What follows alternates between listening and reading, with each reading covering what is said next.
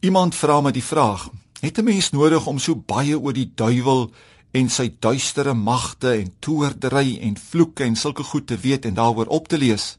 Die vraag laat my dink aan iemand wat by geleentheid gesê dat ons moet net weet die duiwel is 'n verslaande vyand en dis al. Verder wil hy niks van die duiwel weet nie. Dan dink ek weer aan iemand wat so intens belang gestel het in die doen en late van die duiwel, in alles het hy ook net die duiwel gesien. Hy het opgegaan in studies rondom die okkulte en satanisme en toe ons weer hoor, toe is hy 'n satans aanbidder. Iewers tussen hierdie twee uiterstes dink ek is 'n veilige plek oor hoeveel ons van die duiwel moet weet.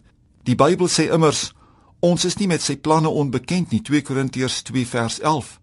So ek dink dis nodig dat ons as gelowiges sal kennis dra oor sy ontstaan, sy rol wat hy tans speel en sy toekoms. Ons moet veral kennis dra wat genoegsaam is om ons posisie in Christus te ken en te weet dat hy is 'n verslaande vyand en dat ons in die naam van Jesus oor hom en sy demone kan triomfeer. Lukas 10 vers 19 sê: "Kyk, ek gee aan julle die mag om op slange en skorpioene te trap en oor al die krag van die vyand en niks sal julle ooit skade doen nie." Waarna verwys Jesus as hy praat van slange en skorpioene? Dis bose geeste of ook genoem demone. Ons triomfeer oor hulle in die naam van ons Here Jesus Christus.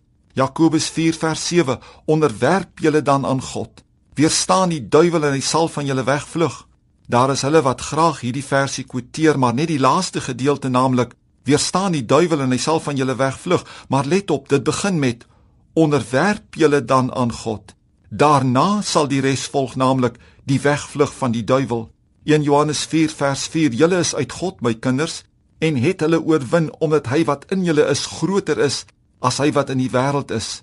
Dit wil sê die God wat in my woon as gelowige is groter as die duiwel wat in die wêreld is. Dink daaraan dat terwyl 1/3 van die engele in die hemel die Satan gevolg het, is daar nog 2/3 goeie engele oor wat ons bedien, sê Openbaring 12 vers 4 en Hebreërs 1 vers 14. Vader, ek dank U vir die krag en oorwinning oor die vyand in Christus Jesus ons Here toe hy op die kruishout gesterf, begrawe is en weer uit die dood opgestaan het. Dankie dat hy ons in hierdie triomftog meeneem en dat ons reeds in hemelse plekke kan sit volgens Efesiërs 2 vers 6.